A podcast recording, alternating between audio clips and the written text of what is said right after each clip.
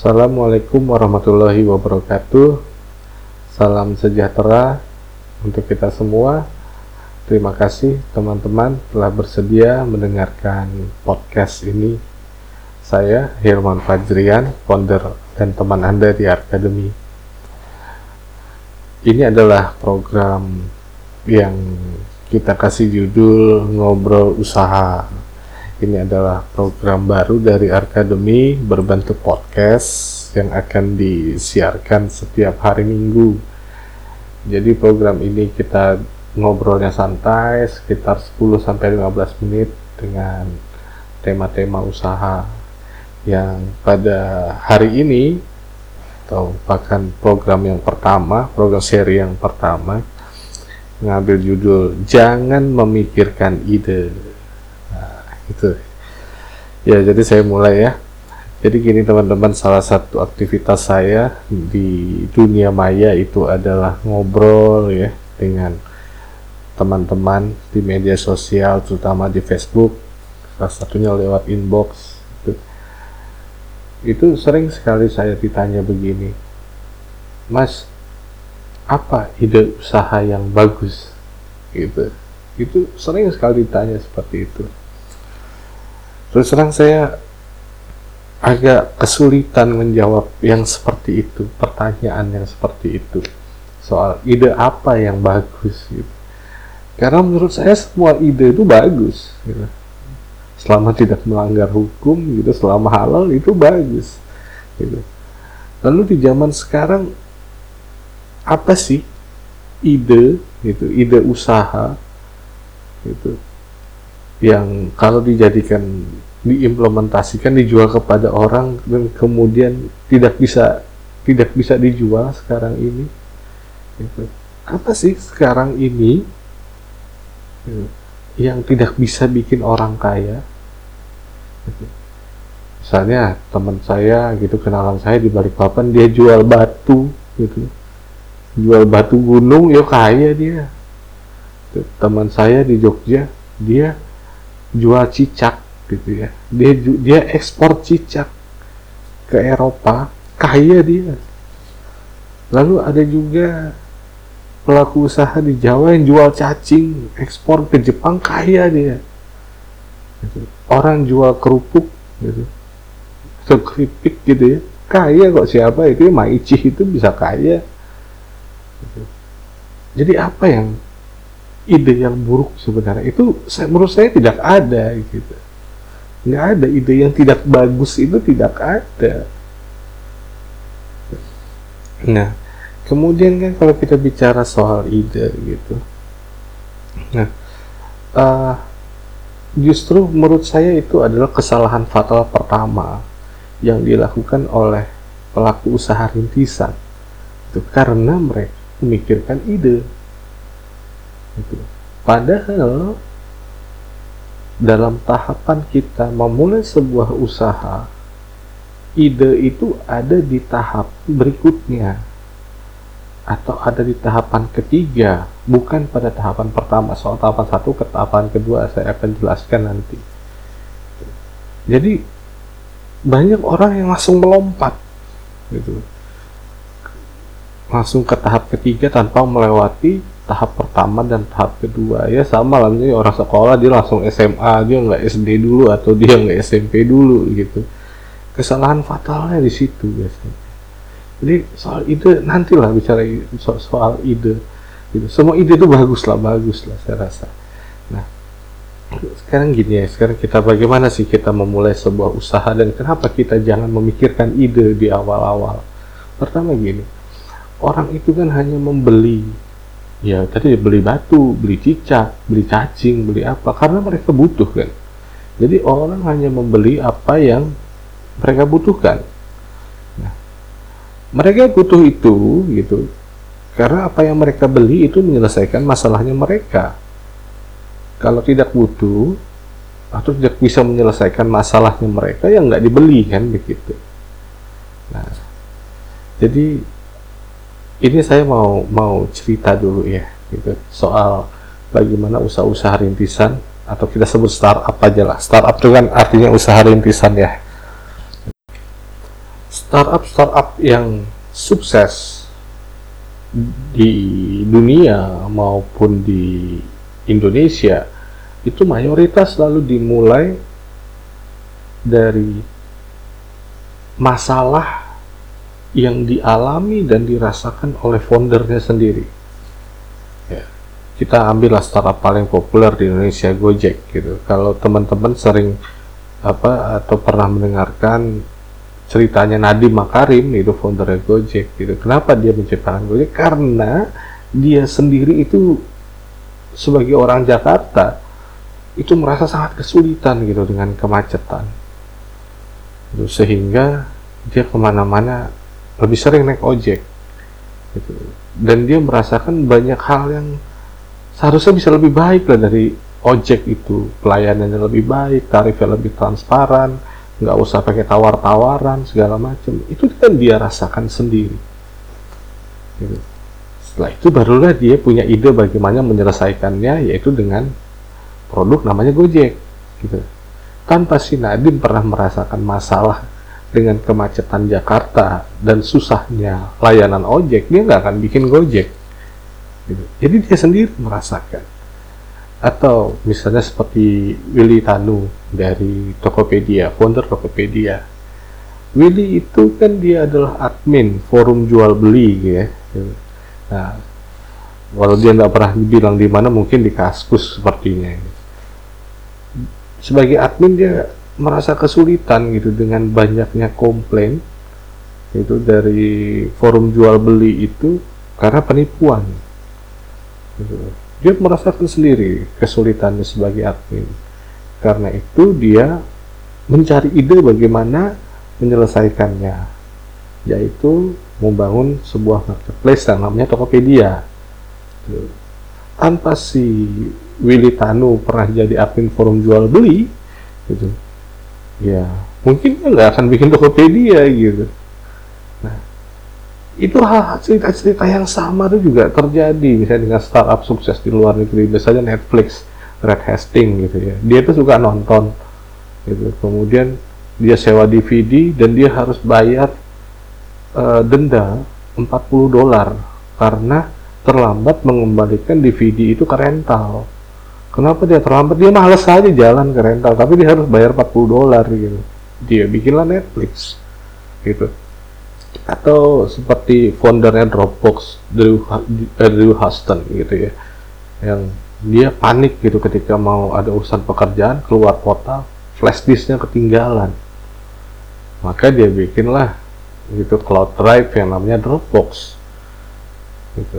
Atau misalnya seperti Arkademi ya, ya saya, uh, saya ceritakan bagaimana pengalaman saya gitu. Kenapa saya saya mendirikan Arkademi gitu. Karena saya saya memang suka belajar ya belajar uh, termasuk juga belajar online. Itu dari dari Coursera dari mana?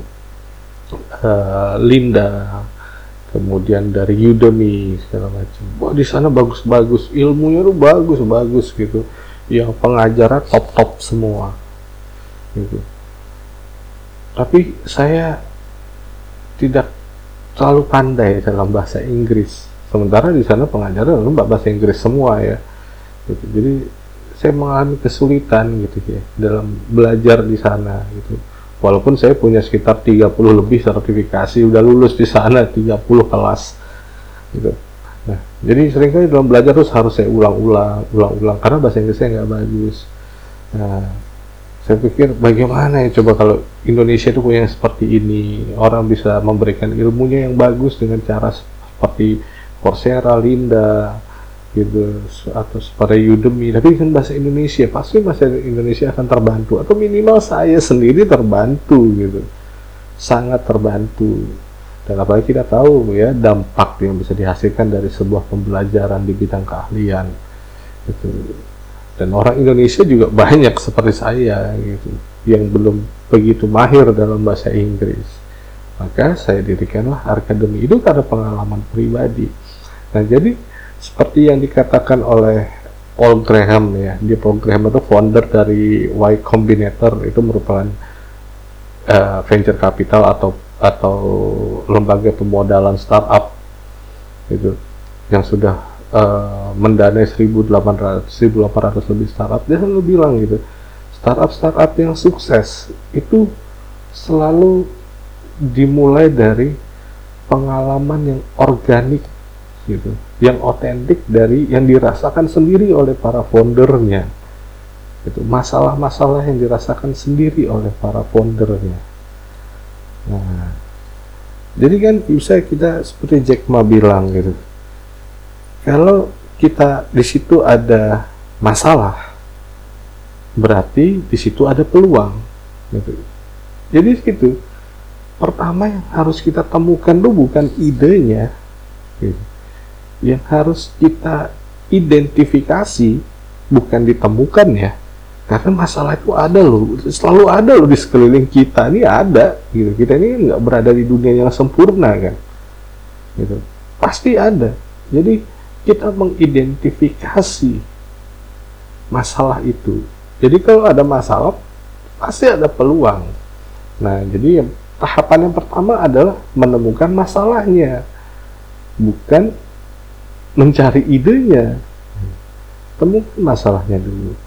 Yang kedua kita harus mengujinya apakah masalah itu penting atau enggak. Karena enggak semua masalah itu penting kan? Gitu. Itu ada tekniknya itu ada tekniknya bagaimana menguji masalah itu penting tingkatannya penting apa enggak. Lalu barulah kita mencari ide bagaimana supaya supaya masalah itu bisa diselesaikan lewat sesuatu yang nyata yaitu produk kita berupa barang atau jasa. Itu jadi adanya ide itu adalah respon yang muncul ketika kita berhasil mengidentifikasi masalah. Gitu. Kemudian begini. Simpelnya itu gitu. Lalu kita bertanya gitu ya. Dari mana sih sebaiknya mencari ide? Simpelnya rasakan apa yang kita alami sendiri. Rasakan gitu sebagai seorang manusia segala kerumitan dan kesulitan yang kita alami segala sesuatu yang menurut kita harusnya bisa dilakukan lebih baik lagi. Kan nggak mungkin itu nggak ada nggak mungkin. Gitu. Lalu, lihatlah apakah masalah itu dampaknya besar atau tidak kepada diri kita.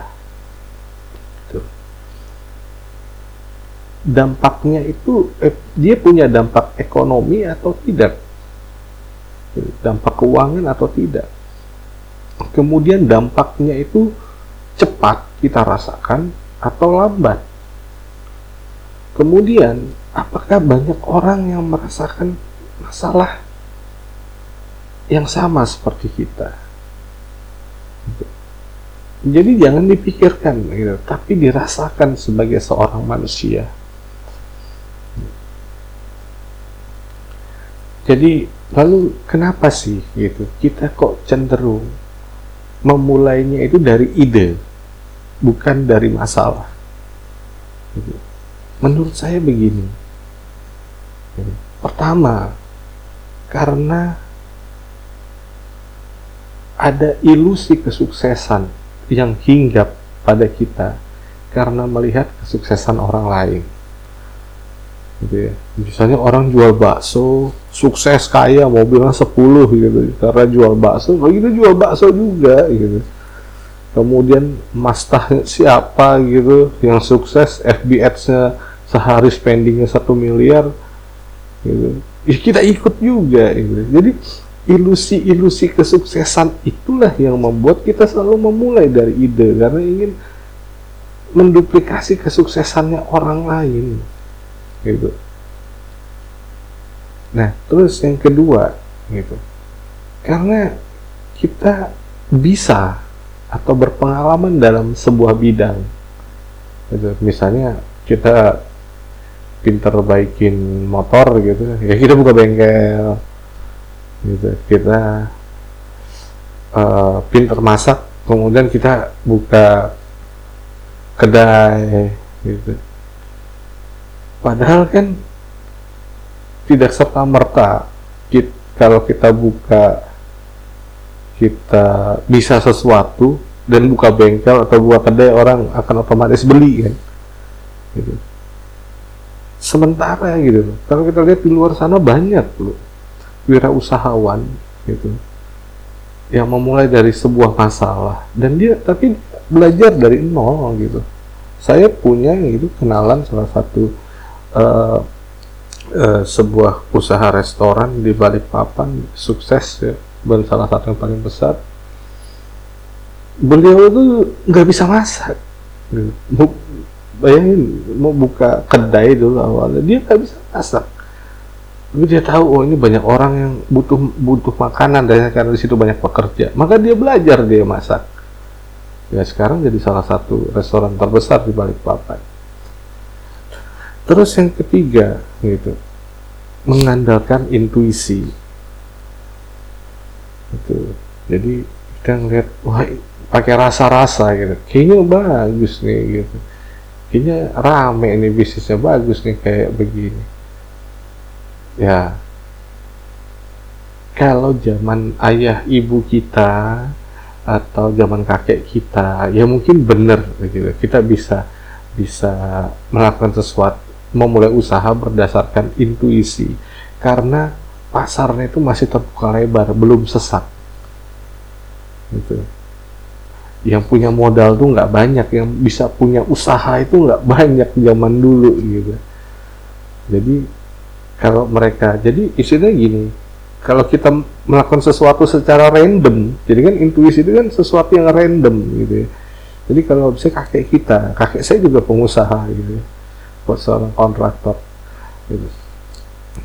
Kalau kita melakukan sesuatu secara random, tapi peluangnya masih banyak gitu yang tersedia, ya kena juga gitu. Peluang untuk kenanya tuh gede gitu. Tapi coba kita kita di zaman kita sekarang. Wah udah di mana-mana aja gitu kan. Orang bikin usaha teman-teman kita yang punya usaha juga udah banyak banget gitu. Kemudian yang punya uang juga udah banyak. Terus e, memulai usaha sekarang juga nggak perlu modal yang sebanyak zaman kakek nenek dan ayah jadi udah udah ses gitu nah ketika kita ngandalin intuisi gitu ya bertindak berpikir atau bertindak secara random gitu maka peluang untuk kenanya atau berhasilnya itu lebih kecil gitu dibanding zaman-zaman sebelumnya. Nah seperti itu. Ternyata jadi seperti itu teman-teman. Uh, terima kasih sudah mendengarkan ngobrol usaha di hari ini. Semoga bisa memberi manfaat kepada teman-teman semua. Itu uh, untuk belajar kewirausahaan silahkan untuk uh, silahkan mengikuti kelas-kelas yang tersedia di akademi baik kelas saya maupun mentor-mentor yang lain baik kelas yang gratis maupun yang berbayar. Semoga podcast yang uh, teman-teman dengarkan ini bermanfaat dan bisa membawa banyak kebaikan untuk kita semua. Itu salam sukses selalu. Selamat mencari masalah ya. Bukan mencari perkara ya, mencari masalah. Gitu. Semoga kita diridhoi oleh Allah Subhanahu wa taala untuk menjadi seorang wirausahawan yang sukses dan hamba yang bermanfaat bagi orang lain. Assalamualaikum warahmatullahi wabarakatuh.